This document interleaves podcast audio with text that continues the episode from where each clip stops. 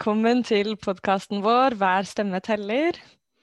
Vi er nå på episode Jeg har, ikke- jeg har mista tellinga her, Reidar. Så mange episoder har det blitt. Nå nærmer vi oss å kunne kalle oss for en ordentlig podkast, så det, det er fint. Ja, vi begynner å ha funnet eh, formen også. Det er jo først og fremst kandidatene våre som skal stå i fokus her. Ja, jeg liker jo fokus sjøl, men, eh, men vi får prøve å, å la, la kandidatene få, få mest fokus. Altså. Mm. Og i dag så har vi fått besøk av eh, nettopp valgt førstekandidat for Rødt Nord-Trøndelag. Vi har fått besøk av Hanne Lise Fasing. Ja, og jeg tror folk bare kan glede seg til det intervjuet, altså. Eh, hun mm. er ei solid, solid dame med bakgrunn som tillitsvalgt i L og og, skal nå toppe eh, på vegne av Namsos og Nord-Trøndelag. Så, så det blir veldig spennende. Så hun er nok en av de mange kandidatene vi har som forhåpentligvis kommer inn på Stortinget. da.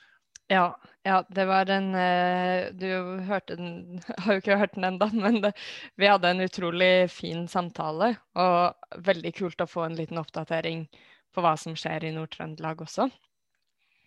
Men Reidar, jeg tenkte før vi skal høre fra Hanne Lise, så må vi jo snakke litt om hva som har skjedd eh, ellers i partiet vårt i løpet av den siste uka. Har du noen eh, noen ting som eh, du tenker stikker seg ut? Nei, Det er ganske travelt for tida, fordi vi er i full gang med å planlegge valgkamp. Så i helga så var jeg og deltok på ei samling for eh, lagstyrer for å diskutere valgkamp og snakke om strategi. Så folk er i full gang i hele landet med å planlegge valgkampen, så det er veldig kult. Og i går så gjennomførte vi Rødt har jo i tillegg til en egen podkast, så har vi også en egen TV-sending som heter Rødt hjemmefra, som sendes eh, med, med jevne mellomrom. Og i, i går så gjennomførte vi denne TV-sendinga. Og eh, jeg anbefaler alle å gå inn og sjekke den. Men eh, på, på mandag så spil, spilte vi inn én bit av den sendinga på forhånd. Og det var, det var Bjørnar eh, Moxnes som intervjua to eh, streikene, to, to eh, representanter for to viktige streiker som har vært eh, nå i, i høst. Eh, Harald Gleditsch, som, eh, som eh, var med på busstreiken, og Tyra, som, som er en utrolig kul dame, som, som nå fortsatt er og streiker i, i vekterstreiken. Veldig hva er status for, for de streikene? Det, jeg skal ikke spoile for mye fra samtalen, men, men eh, bussjåførene de gikk jo med på, på en avtale til slutt som eh, spesielt Harald, som, eh, som var på besøk, han var ikke så fornøyd med den avtalen og ønska at de skulle fortsette å streike. Mens vekterne, der, der er de fortsatt i streik på, og har holdt på i over to måneder. Så De har en ganske historisk streik på gang, og ingen tegn på at de, de gir seg. Det er jo to forskjellige fagforbund som har, har deltatt i denne streiken. Og Parat, som ikke er en del av LO, de, eh, de ga seg for, en, for, et par uker siden og ga etter for, for og, og godkjente avtalen med arbeidsgiver. Mens, mens Arbeidsmannsforbundet, Norsk Arbeidsmannsforbund, de, de fortsetter streiken og har faktisk trappa opp. Så de er godt over 2000 nå som, som er ute i streik. Så de må vi bare heie på så det, så det holder. For eh, det er ikke sånn at du verken har god lønn eller gode arbeidsvilkår som, som vekter. Så de eh, fortjener et løft. Og det er viktig for hele arbeidslivet at vi, at vi ser at de kan lykkes med, med en streik. da. Ja. ja, det er utrolig tøft både å stå i en streik, men også spesielt i den situasjonen vi er i nå. Og det er jo noe denne helsekrisa har vist, at vekterne inngår jo også i, som en viktig førstelinje i håndteringen av pandemien. Absolutt. Så de er også en av de gjengene som har blitt klappa for uten å få noe, noe igjen når man kommer til lønnsforhandlinger. Så stå på, vektere. Vi, vi, trenger at dere vinner denne kampen. Både for, eh, for, at dere skal få bedre lønns- og arbeidsvilkår, og for arbeiderkampen som foregår. At vi, vi, viser at streik kan funke. Og ja, nei, det er sjukt viktig. Ja, og dette viser jo også hvor utrolig viktig eh, streikeretten er, og retten til å kunne organisere seg. Og det er jo annen, et annet tema som eh, har blitt jobba med en del både fra Stortinget, men også ellers i partiet, nemlig eh, saken rundt Wizz Air, mm. som er det eh, ungarske, er det vel, lavprisflyselskapet som nå prøver å etablere seg i Norge. Mm. Ja, og det, det, er virkelig et kriminelt selskap, spør du meg. da. De, de, forholder seg ikke til noen arbeidsmiljølov i det hele tatt og sier at nei, vi skal, vi skal forholde oss til reglene i Ungarn, eh, selv om vi vil fly innenriks i Norge. og Våre, våre piloter de kan få sparken på dagen om vi, vi ønsker det. og Eh, det er ikke et arbeidsliv vi ønsker oss, og det er jo eh, ikke noen sikkerhet i det. Og i de arbeids- og lønnsvilkårene som er der, så, så vil du ha piloter som er, som er slitne.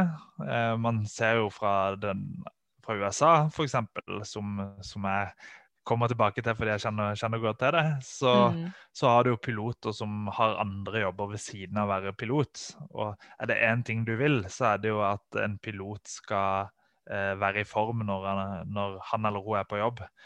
Eh, det skal være folk som er godt uthvilte og som har krefter til å gjøre jobben sin, og som ikke har så dårlig råd at de, de må ha en jobb til for å, for å holde ut. da. Mm. Ja, absolutt. Og det gjelder jo kabinansatte for øvrig også. Altså, vi vil jo Definitivt. ha et, eh, et anstendig arbeidsliv. Mm. Og ja, og virkelig retten til å, til å kunne fagorganisere seg. Absolutt. Eh, så det, det, som er kult nå, da, det er jo at eh, Wizz Air møter mye motbør i Norge. Nå ser det jo ut mm. til at de får lov til å fly, men, eh, men eh, det jobbes mye for å, for å boikotte det. Det er store boikotkampanjer som eh, mange er med på langt, langt utafor Rødt også.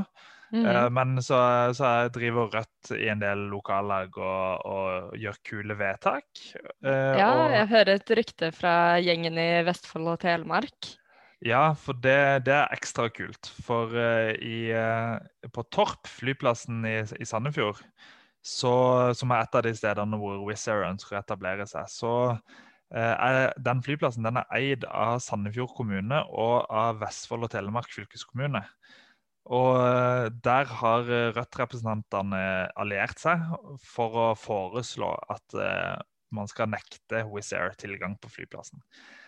Så Maren Kurdal, som er førstekandidat i Vestfold, og som var på besøk i podkasten vår for to uker siden, hun var da på NRK i går og, og snakka om, om, dette forslaget. Så jeg er veldig spent på hva, hvordan kommunestyret og fylkestinget reagerer på forslaget. Men eh, det viser virkelig hvordan man eh, lokalt også, i lokalpolitikken og i fylkespolitikken, kan, eh, kan slå tilbake mot sånne selskaper, selv om det på en måte i utgangspunktet er nasjonal politikk. Da, så, så kan man faktisk gjøre noe også lokalt. Ja, det er utrolig kult. Og hvis, eh, hvis, man vil bli bedre kjent med Maren Kurdøl, så har hun vært på besøk hos oss her i podkasten for to episoder siden. Så det anbefaler vi veldig å gå tilbake igjen og, og høre på. Det var et skikkelig fint intervju, så jeg vil anbefale alle å, å bruke litt tid på å høre gjennom den også. Når dere, når dere er ferdig med å høre ukas episode. selvfølgelig. ja, for det er ikke noe vits å skru av helt enda, for nå skal vi få høre intervjuet med førstekandidat i eh, Nord-Trøndelag, Hanne Lise Fasing. Hei, Hanne Lise Fasing. Så fint at du kunne være med oss. Ja, god morgen. Takk for det. Jo, det blir kjempeartig, det. Ja. Du, um, litt av poenget med denne podkasten er jo at vi skal få bli litt bedre kjent med i dag deg. Så jeg lurte på, kanskje du kan fortelle litt uh, om hvem du er, og hva du driver med? Ja, det kan jeg gjøre. Jeg heter jo som sagt Hanne Lise Fasing, da. Jeg bor i Namsos i Nord-Trøndelag. Jeg velger å kalle det det. Eh, til tross for at vi er blitt Trøndelag, eh, så er det nordtrønder jeg er. på min hals. Um, 46 år, kanskje ikke relevant hvor gammel jeg er, men jeg har i hvert fall to barn. To bonusbarn. Og så er jeg så heldig å ha blitt bestemor til en liten pjokk på litt over ett år som heter Torbjørn. Og det er jo en berikelse i livet. Eh, så jobber jeg som eh, kundeveileder på Opplysningen 1881. Og der har jeg vel vært nesten hele mitt voksne liv. Og det var vel inngangsbilletten min til å bli tillitsvalgt i LVIT-forbundet. Den gangen var det jo Tele- og Dataforbundet. og da fikk man jo papir i handa når du entra døra første dagen. Der er det bare å melde seg inn umiddelbart. Og det gjorde man jo. Og så rulla jo ballen videre for uh, andre valg og verv da, i fagbevegelsen. Så det er vel sånn litt kort. Ja, hva er det du vant til å snakke i telefonen, da? Ja, det hører jeg hele tida. Vi sitter sju timer om dagen og snakker med kunder fra det ganske land som skal ha nummer og navn og adresser i hele Norge, og utland. og Vekking driver med, og kart- og veibeskrivelse og reiseinformasjon. Så det ganske mye. Ja, Det er godt å høre at folk fortsatt bruker uh, opplysningen, til tross for uh, at man nå kan google seg frem til det meste. Jo da, vi vi er vel kanskje litt sånn uh, imot resten av verden da, i forhold til det. Det er klart, Trafikken går jo ned. Vi er jo mindre avdelinger i dag enn hva vi var når jeg starta. For da var vi jo 18. I dag er vi to igjen. Oi. Men uh, vi opplever jo at behovet fremdeles er til stede. Både for uh, næringslivet som er på farta, eller for uh, eldre mennesker som ikke er på den digitale plattformen. Men òg for mm. ungdommer som ikke helt vet hvor de skal hen når de skal ta kontakt med myndighetene i forhold til skatt eller ligning. Eller kemneren, hvor er det man skal ringe, hvem er det man skal kontakte. Mm. Da er det greit å ha noen å ringe. Ja, ja, absolutt. Men du, Annelise, du sier at du er eh, Du anser deg selv som nordtrønder. Er det, ja. er det, hvordan er det nå å plutselig stå som førstekandidat for Nord-Trøndelag? Det er jo kjempestas. Det, det, er jo sånn at eh, Jeg har jo vært med noen år i Rødt nå, og har jo stått på lista til, til Nord-Trøndelag tidligere. Eh, den gangen var det jo en helt eh, utopisk tanke å tro at vi skulle komme inn. Da var det mer om å kjempe gjennom for hver stemme, sånn at eh, man kunne prøve å få partiet over sperregrensa. Mm. Det er mange som sier at det er en utopi i dag òg, men jeg har jo trua på at hvis partiet kommer over sperregrensa, som vi skal, så er i hvert fall utjevningsmandatet et, et steg å ta. Eller så Vi satser jo på direktemandat, selvfølgelig, men jeg tror nok det reelle er et direkte nei, utvalgsmandat. Mm. Ja, det får vi Altså, det skal vi klare. Den sperregrensa skal vi i hvert fall klare.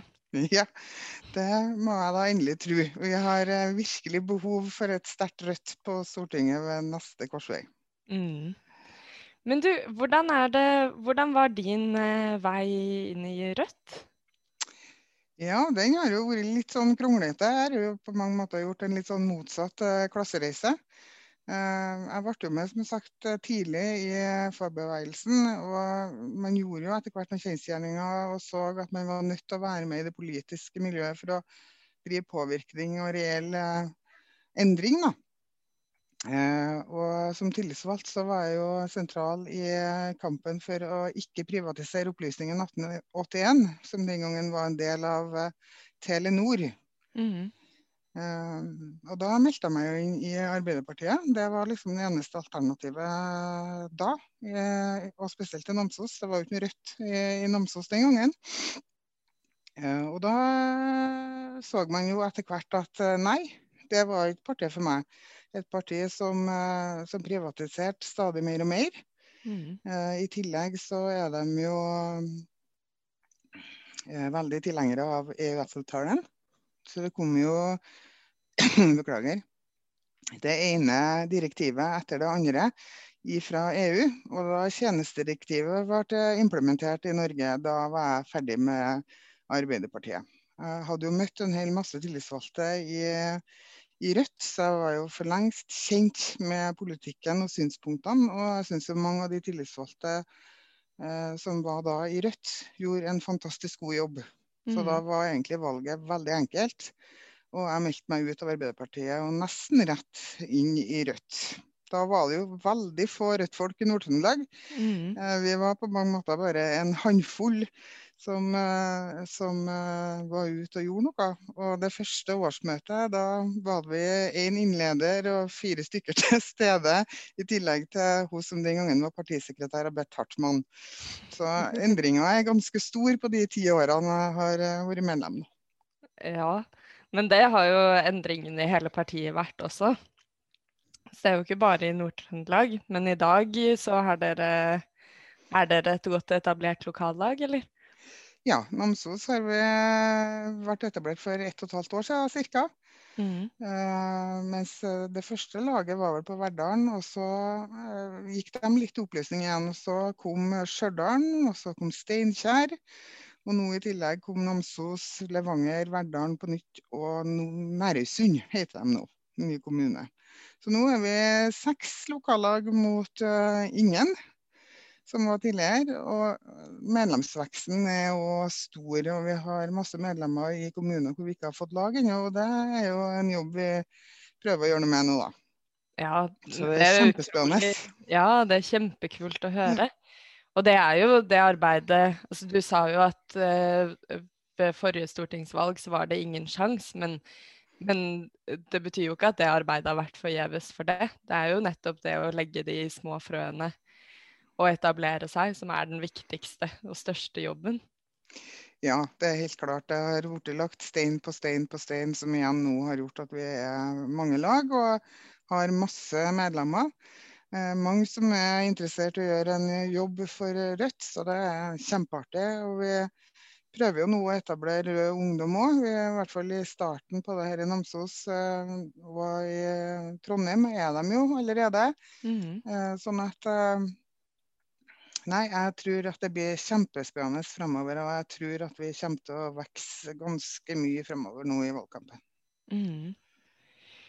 Det er veldig kult å høre. Men du, jeg lurte også på um, For du sitter som kommunestyrerepresentant Ja, forholdsvis fersk.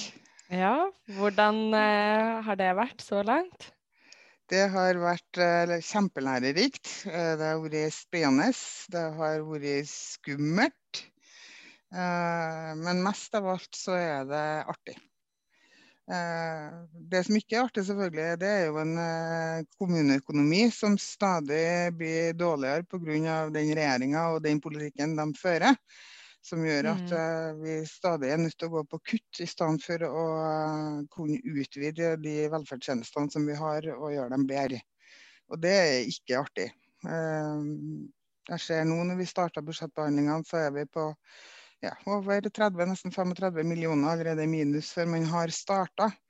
Og det er klart at det gir store utfordringer for en lokalpolitiker å skal bestemme om du skal kutte for de eldre, eller om det er for ungene, eller Mm. hvordan skal du greie å, å gjøre det best mulig da, for de Mm. befolkningene som, eller for de folkene som bor i Namsos. Ja. Mm. ja, det er jo gjerne lokalt og nettopp i de lokale velferdstjenestene man merker det aller best. Men nå, nå har jo Rødts alternative statsbudsjett blitt eh, lansert. Og der er jo det et av hovedtiltakene som lanseres, er nettopp mer penger til kommunene og mer frie midler. Og kan ikke du gi oss et eksempel på hvorfor, hvorfor det er så viktig at kommunen står fritt til å disponere mer penger selv? Jo, eh, i forhold til mm, altså statsbudsjettet til Rødt da, som er lagt frem, det ville jo gitt Namsos 20 millioner mer. Mm. eh, som hadde kunnet vært brukt og opprettholdt. En av forslagene som ligger er jo på å legge ned en lokal distriktsskole. eh, Ikke hele skolen, men ungdomstrinnet. Det eh, vil medføre at de ungene kanskje er nødt til å ta buss i nærmere en og en halv time for å komme seg på en annen ungdomsskole. Eh, Det kuttet håper jeg jo at vi greier å stoppe uansett. Men det ville jeg i hvert fall vært med på å sikre deres velferd. da. Mm. Eh, sikre at de kan få lov til å være i det lokalsamfunnet sitt, gå på den skolen som er trygg og nær for dem. Det er opprettholdelse av arbeidsplasser. Det er òg et levende samfunn. Da. Eh, når du tar skolen bort, så dør som regel de her samfunnene sakte, men sikkert. Mm. Det ville òg ha medført at vi kunne ha gitt flere unger spesialpedagogisk undervisning ekstra, som har gjort mm. at de kanskje ikke detter ut ved senere skolegang. Eh, vi har mange unger som, eh, som eh, sliter, og hvor vi, hvor vi, ser at fattigdomsgrensa er ja, den er voksende da, med antallet som lever under fattigdomsgrensa. Det kunne gitt mer ressurser til dem, har jo vært veldig viktig. Mm. Eh, det å kunne utvide åpningstidene i barnehagene, sånn at de treffer for de menneskene som jobber i turnus eller i skift, eller, eh, eller har andre behov. Eh, ja, lista er på mange måter mange. da. Det å mm. utvide grunnbemanninga innenfor helsesektoren, som har gjort at de slipper å sprenge fotene av seg aktivitører til eldre mennesker som òg har behov for en meningsfull uh, hverdag og kunne gjøre noen aktiviteter enn bare å sitte i en stol og se på TV. Sånn at lista er utømmelig, egentlig. Mm. Ja, det er den. Eh, jeg hadde lyst til å spørre deg også, fordi jeg så her um, på Facebook, faktisk, at du tidligere i høst så eh, reiste du sammen med Bjørnar Moxnes ut til Frøya. Det stemmer, vet du. På besøk eh, hos lokalbefolkningen der. Hva var det dere drev med? Jo, eh, vi var på besøk til, til friværingene for å se på raseringa av Frøya sin vakre natur. Der er det et selskap som har nå satt opp en hel masse vindturbiner og sprengt og gravd bort både fjell og myr eh, for å hente ut eh, strøm gjennom vindkraft. Eh, mm. veldig lite vindkraft de får til å hente ut. Ødeleggelsene på naturressursene våre er stor og for evig. Mm. Eh, og frøyværingene er ganske forbanna. I tillegg så går jo de her pengene ikke lokalt nødvendigvis, da, men ut til utenlandske kapitalske eiere. Så det ja. Eh, dramatisk egentlig for frøyværingene og svært lite inn igjen til, til befolkninga og velferdssamfunnet. Mm. Ja, for dette er vel kanskje et, et sånn eksempel på en sak som går litt hus forbi. Altså det, det, er så vanskelig å se for seg hva det er som egentlig skjer når man ikke, når man ikke er der. Men her har jo Rødt stått på og prøvd å vise, vise frem og støtte frøyværingene.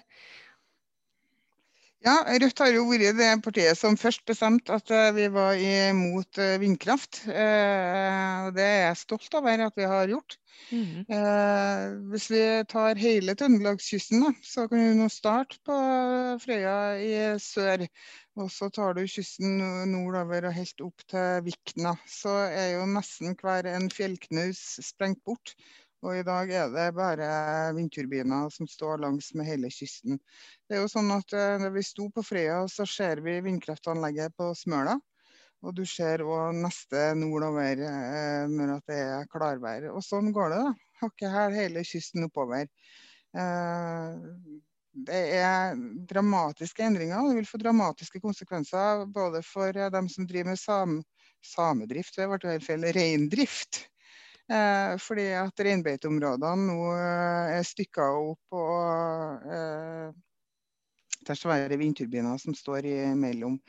Eh, så for rein så blir det jo å gå andre veier og vil få forstyrrelser. I mm. tillegg så har du jo det andre dyrelivet i hele kysten. og eh, Det siste som var oppi her, da, på Sørmarkfjellet, så var det jo freda hubroområder som de heller ikke brydde seg om, men eh, mm. satte i gang til og med i hekkinga. Mm. Eh, det siste som vi greide å stoppe her nå, da, det var i Namsos. Der ligger det jo under klage, da, selvfølgelig. Det var på Innvolsfjellet. Eh, det er i eh, ytre del av Namsos kommune mot kysten, og delvis inn i Flatanger kommune. Det er jo utenlandske eiere som, som, står bak. Det er et norsk selskap som, som, prøver å skal bygge, men det er jo utenlandsk kapitalkrefter som står bakom. Og det vil jo si at alle ressursene og alle midlene vil jo gå til Tyskland, altså med eierne for det utbygginga. Mm. Ja, altså selv om dette er lokale prosjekter, så er det jo av interesse for hele landet å vite hva det er som egentlig foregår. Og nettopp det å høre på de lokale stemmene også. Ja, det er kjempeviktig å høre hva lokalbefolkninga sier. Det er jo vi som kjenner områdene våre best og vet hvilken benyttelse vi har av dem, og hva vi kan hente ut av dem både i forhold til til reindrifta og i forhold til andre næring og friluftsinteresser. Mm. Ja, absolutt. Og nå er det jo bare Det er ikke så veldig lenge igjen til, eh, til valget. Vi går snart inn i desember, og da er det bare én måned igjen til 2021. Ja. Det er vel under 300 dager. Ja, hva tenker du Hva tenker du er på en måte Hva vil være det viktigste fokuset for deg fremover mot valget? Eh, altså Selvfølgelig er det jo Rødt sine kjernesaker. De er på mange måter ikke helt uh, utmeisla ennå. Vi har jo mange viktige saker. Men det viktigste er jo Distrikts-Norge. Altså mm. jobb imot uh, sentralisering, få til desentralisering. Det er viktig at vi har et godt kollektivt transport ja, nå forsvant litt ordet, men eh, godt utbygd kollektivtransport eh, er viktig. Mm. Eh, så er det viktig at vi har gode sykehus og velferdstilbud innenfor helse. Det, I Nord-Trøndelag er det jo to sykehus som, som slåss med, med Sør-Trøndelag og Trondheim sitt St. Olav i forhold til ressurser. Mm. Eh, I Namsos har vi slåss for akuttberedskapen og jordmortjenester og fødeavdelinger eh, med jevne mellomrom hele tida. Eh, sånn at det er viktig for meg. I Namsos har vi nå kampen for å beholde helikopterfunksjon. Det er jo satt inn nye redningshelikopter, og da er den landingsplassen i Namsos for liten, så det må bygges ut. Så det er jo en kampsak som er viktig. I tillegg så er det jo kjempeviktig dette med utdanning. Eh, Pga. Mm. Eh, manglende ressurser til fylkeskommunen og at befolkningstallet går ned, så gjøres det kutt i utdanningstilbudet for ungene våre. Og Det betyr fryktelig mye. Vi vil ikke at uh, ungene våre skal nødt til å reise 20 mil, og bo på hybel når de er 15-16 år. De skal ha tilbud og rett til utdanning her hvor de bor, og ikke måtte reise uh, ja, i verste fall ganske store avstander. Med, og nå når dette nærskoleprinsippet i tillegg kom på bordet, så blir det jo enda verre. Mm. Så det er viktig. I tillegg så har vi jo en masse naturressurser som vi er nødt til å utnytte på en god måte. Beklager. Vi har eh, ei voksende oppdrettsnæring. Eh, spesielt i norddelen i, i Nord-Trøndelag, hvor eh, Nærøysund, mm, Vikna eh, vokser med, med oppdrettsanlegg. Men det er òg i Flatanger, og det er òg litt her i Namsos. Og Det er jo viktig at vi får til å forvalte det på en god måte, sånn at vi ikke ødelegger den naturen mm. eh, for videre generasjoner. Men at vi samtidig greier å hente ut eh, midler og lage arbeidsplasser som, eh, som er gode. Mm. Eh, det er viktig. Vi har òg en masse skog- og jordbruksareal. og Det er jo viktig, da, tenker jeg fremover. Vi er nødt til å ha egen matforsyning.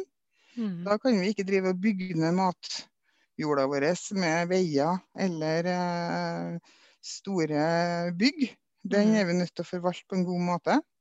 Ja, for Nord-Trøndelag er en veldig landbrukskommune. Nei, kommune, ja. sier jeg fylke. Svær, eh, svært jordbruksfylke. Eh, vi er òg mm. store innenfor skogbruk. så eh, Naturressursene for nordtrønderne er veldig viktig. Og det er mm. masse arbeidsplasser eh, som er knytta opp i de næringene. Så det er masse midler som hentes ut derifra, og det må vi forvalte på en god måte. Sånn at det kan hentes ut uh, videre da, for neste generasjon og neste generasjon etterpå. Det. Vi bruker jo opp uh, jordas ressurser, vi husker ikke akkurat datoen, men uh, tidligere og tidligere kommer jo den datoen hvor vi har brukt opp jordas ressurser. Så jeg tror det var 1,5 eller 1,6 nå tror jeg vi bruker jordas ressurser på ett år. Mm. Så det er jo ganske dramatisk, da. Ja.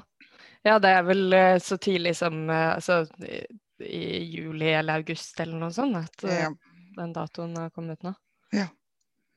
Men ja, det er, mye, det er, mye, å kjempe for, og veldig viktige saker du trekker frem her. Så det blir jo en travel, en travel tid fremover. Ja, det blir det. Vi er jo så vidt i gang da, i, i distriktsstyret for Trøndelag.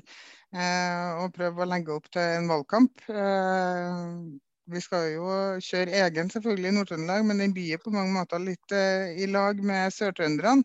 Mm. Eh, og Hege Bae Nyholt som er på topp eh, for eh, Sør-Trøndelag. Så vi, det blir en spennende tid eh, fremfor oss. Eh, vi er jo ja, For Nord-Trøndelag så er det jo tre kandidater som er valgt, og for Sør-Trøndelag er det jo fem. Mm. og nå I første omgang så blir det jo å prøve å sette oss i hop, lage valgkampprogram velge valgkampgeneraler og sekretærer og, og, sette i gang med planene og sette i gang jobben, rett og slett. Uh, vi diskuterer jo frikjøp og, og tematikk, så det, ja, det blir travelt eh, og spennende og kjempeartig, tenker jeg. Og det blir vel først eh, etter landsmøtet at det virkelig barker løs. Men det er klart det er mye som skjer mellom januar og landsmøtet òg, som gjør at vi er nødt til å bli ferdig med de her planene, så vi kan begynne å ut og snakke med folk og debattere og kjempe ja, for hver eneste stemme. Eh, men Hanne Lise, jeg har hørt et uh, rykte om at du, også, at du bor sammen med en uh, Ap-politiker. ja, det stemmer. Hvordan er det, da? Er det, blir det mye hemmelighold og sånn fremover? Eh, jo, det er klart.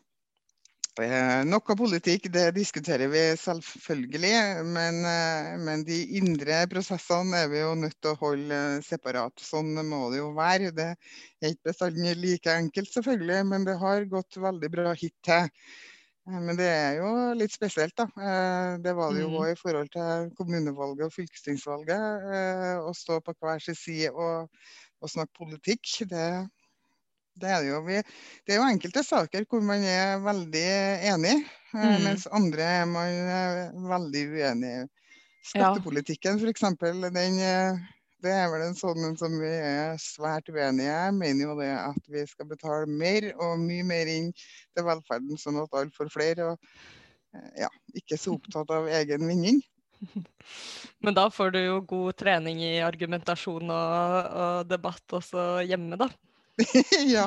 Eh, vi har jo vært vant for så vidt til til å være på hver vår sti, for vi er jo begge tillitsvalgte og har vært det i lang tid i LHIT-forbundet. og Der har jo jeg vært i én sektor og han i en annen sektor, så vi har nødvendigvis ikke vært enige tidligere heller på alle områder. Men eh, nei, uenigheter fører oss jo fremover. da, med Diskusjon ja. og meningsbrytninger er viktig for å, for å komme seg fremover. Absolutt. Og den store felles linja er jo at uh, vi ønsker et regjeringsskifte. Ja, der er vi soleklart eh, enige om at vi er nødt til å feie regjeringspartnerne med Frp ut av, eh, ut av posisjon og, og inn sjøl. Rødt har jo vært klar hele tida på at vi ikke ønsker inn i det regjeringssamarbeidet, men at vi ønsker å støtte, mm. uh, uavhengig av uh, hvem det nå måtte bli på rød side. Men, uh, men, at vi har har eh, Ja, hva skal jeg si? Eh, en klar retning, det er det ingen tvil om, i hvert fall. Nei. Vi ønsker mer velferd for eh, de mange, og ikke for de få. Mm. Ja. Absolutt godt sagt. Du, nå tror jeg vi skal begynne å runde av her, men helt på tampen, har du, har du, noen tips eller oppfordringer til de som skal drive valgkamp nå fremover? Eh, ja, det er jo sånn man leter jo etter de tipsene sjøl, egentlig, da, for hvordan man skal komme. Men jeg tror jo det at så lenge man er seg sjøl og er genuint opptatt av det man skal snakke om og, og kjempe for, så tror jeg det skinner gjennom. Eh, så lenge at man har et tydelig budskap eh, og snakker med folk og tar folk seriøst når man jo snakker med dem. Hører på hva som, som er deres utfordringer og problemer, eller hva det måtte være. Eh, så tror jeg du vinner gjennom. Mm. Eh, det å kanskje ikke være så redd for å, å dumme seg ut, det å kanskje ikke være så redd for å, å ikke Ja. Jeg tror det er det viktigste. Være deg sjøl og være naturlig og snakke tydelig. Mm. Ja, det er veldig, et veldig godt tips. Det tar vi med oss videre. Jeg tror absolutt det med, som du sier, å ikke være redd for å dumme seg ut, nettopp fordi vi vet jo at vi, vet jo at vi har rett. ja, det er jo hele mennesket hele dagen, tenker jeg. Om en sier en ting feil i en eh, debatt eller, eh, eller, noe, så er det liksom ikke det som teller. Det er at man er synlig og tydelig. Det tror jeg er veldig viktig. Mm. OK, da får jeg bare si gratulerer med eh, førstekandidaturet. Og masse lykke til. Vi kommer sikkert til å snakkes igjen nå fremover det neste halvåret. Ja, det blir kjempespennende. Jeg har jo med meg to dyktige folk, Einar Dalum og Else Sæker, eh, på henholdsvis andre- og tredjelista her i Nord-Trøndelag. Og jeg håper at vi skal få det kjempeartig fremover. og virkelig få nordtrønderne til å stemme på en utfordrer. Ja, det er kult. Ja. Okay. Da får du ha riktig god helg, da. Takk for praten. God helg, du også. Ha det. Da er vi tilbake igjen i internettstudioet vårt, eh, Reidar. Og du har vel som vanlig sett litt på, på tallene for uh, fylket, for Nord-Trøndelag? Ja, det har jeg. Og Nord-Trøndelag er jo eh, et av de eh, stortingsvalgdistriktene hvor vi fortsatt eh, har, en, har, en, liten vei å gå eh, for, å, for, å, komme inn. Spesielt med tanke på å forvalte direkte mandat. så, så å få, få direktemandat fra Nord-Trøndelag det er mer eller mindre helt usannsynlig. Også fordi det er såpass få stortingsrepresentanter fra eh, stortingsvalgdistriktet. Mm. Eh, men det som samtidig er litt eh, interessant, det er at eh, hvis vi basert på tall fra Poll of Polls, så, så ser de på, på målingene som, som har vært gjort. Og så ser de, antar de, basert på valgresultatet sist og basert på de nye meningsmålingene, så antar de eh, hvilke fylker eller stortingsvalgdistrikt som er mest sannsynlige for å få utjevningsmandat. Okay. Og jeg, jeg, har jo snakka om dette tidligere på, på Hver stemmeteller. Men uh, utjevningsmandat er jo et veldig sånn rart og komplisert og på mange måter tilfeldig regnestykke. Men uh, det er altså sånn at, uh, det, at de partiene som har mista flest stemmer på, i de ulike valgdistriktene, de som har flest stemmer de ikke har fått noen stortingskandidat for, mm. de, de, har på en måte en pott uh, som de skal fordele seg imellom med disse 19 utjevningsmandatene. Og da er det sånn at eh, Rødt f.eks., basert på hvor bra valgresultatet får, eh, man får, f.eks. får fire eller fem utjevningsmandater. Og de får man uansett.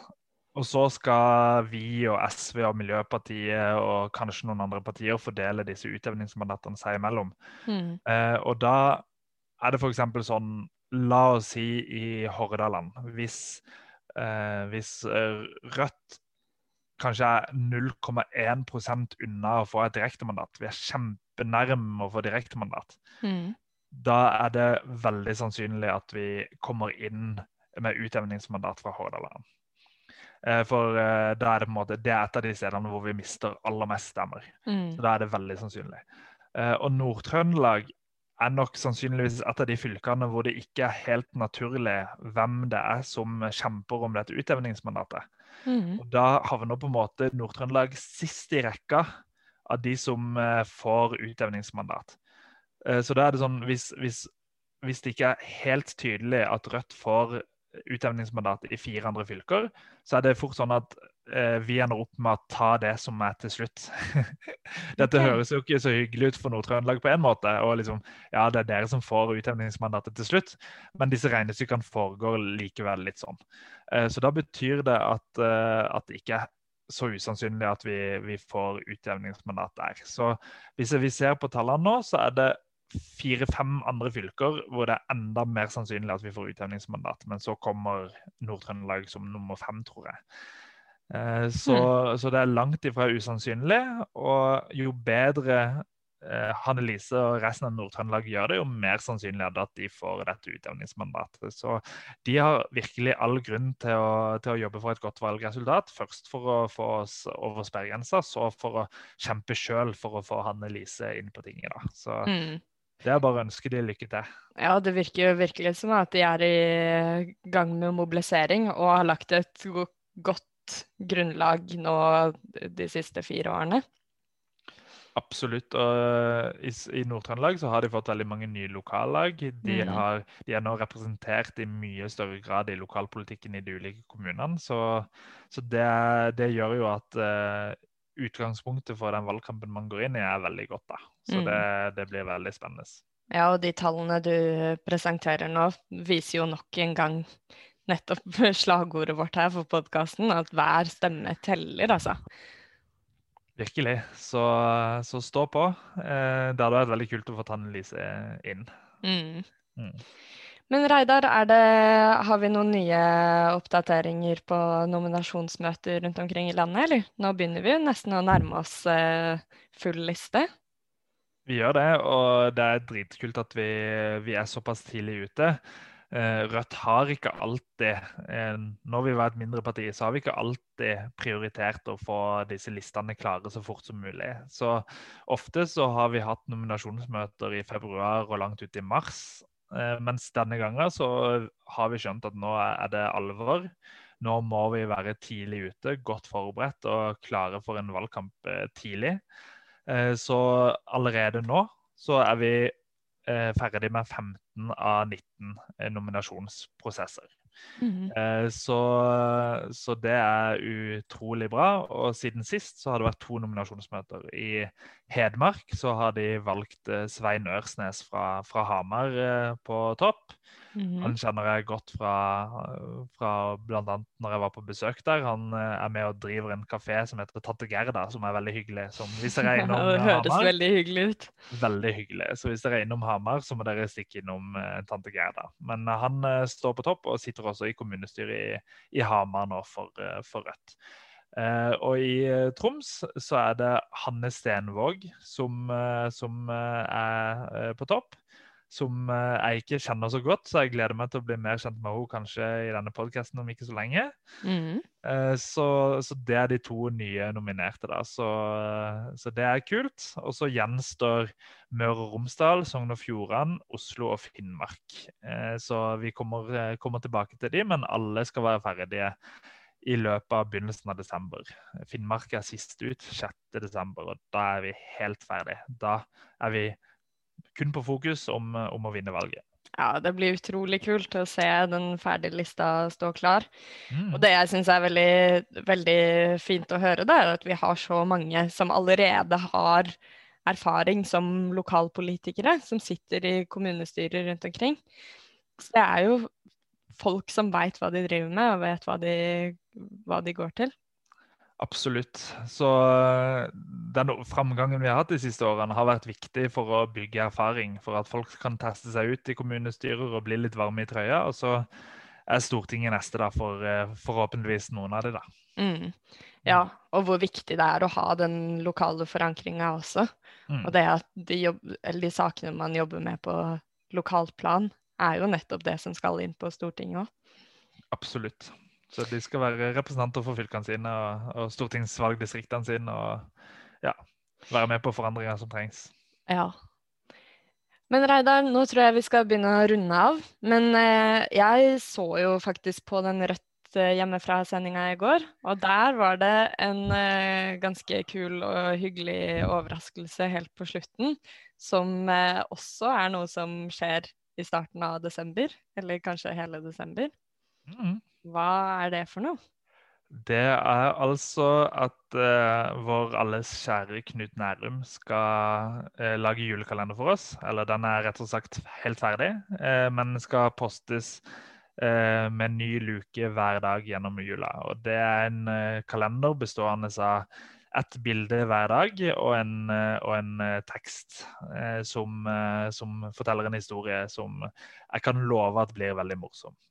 Eh, og eh, noe av det aller gøyeste som Ja, og noe av det aller gøyeste som, eh, som eh, jeg har sett fra mine sneak peeks, er at det er noen som vil noe ondt med, med, jula, i hvert fall spør du meg, da. Og det er å modernisere jula på, på en ikke så bra måte. Så eh, man ønsker å skifte navn på jula, og det er en sånn Vy-aktig utvikling eh, når det gjelder å jeg vet ikke om privatisere, men i hvert fall kommersialisere jula. Ja. Det er bare å følge med, og så får vi se om det er de snille som vinner til slutt i denne historien. Hvor er, kan, hvor, er det man kan, følge med på den julekalenderen, da? Eh, den blir posta hver dag på, på Rødt sine Facebook-sider. I tillegg så finner du den på rødt.no slash julekalender. Så mm. der, eh, der, kan man lese fra start til slutt og lese én luke av gangen. Mens på Facebook så blir det jo posta ett bilde hver dag, så da er det fort gjort å gå glipp av ett bilde, f.eks. Men, eh, men roett.no slash julekalender. Ja, jeg skal rett inn og lagre den i bokmerket. Ja, det må du gjøre. Mm. Og jeg, jeg, tenker i hvert fall at det er en veldig fin sånn ting å gjøre når man kommer på jobb. og eh, har noen minutter foran PC-en kanskje, før, eller på mobilen før man virkelig setter i gang med arbeidet sitt. Så bruk fire-fem minutter på å lese julekalenderen. og Se ja, hva som er dagens bilde. Og, og diskutere på Zoom-lunsjen også. Ikke sant? Det er kjempesmart. Kanskje er dette en inngang til å presentere noen for, eh, for Rødt. At det er litt Jeg, jeg hørte noen som uh, syns at uh, det er litt sånn skummelt å dele et vanlig sånn Rødt-delebilde. Jeg føler at det er uh, en litt høy terskel å, å vise fram til alle vennene sine at du deler et uh, delebilde med Rødt. Men Knut Nærum er på en måte noe alle har et forhold til. og det er jo mm. politikk i denne humoren som man uh, fremfører også, så, så, det kan kanskje være noe som er litt sånn mer lavterskel å dele, da. Mm. Ja, og som Knut Nærum sa selv, da, så er jo humor er jo en veldig sånn god eh, inngangsport for å liksom um, vise at man er et fellesskap man har lyst til å være en del av, da. Mm, absolutt. Så tusen takk til Knut Nærum for at han tok seg tid til å lage julekalender for oss. OK, da tror jeg vi sier eh, takk for eh, denne gang. Og så høres vi igjen i neste uke. Det gjør vi.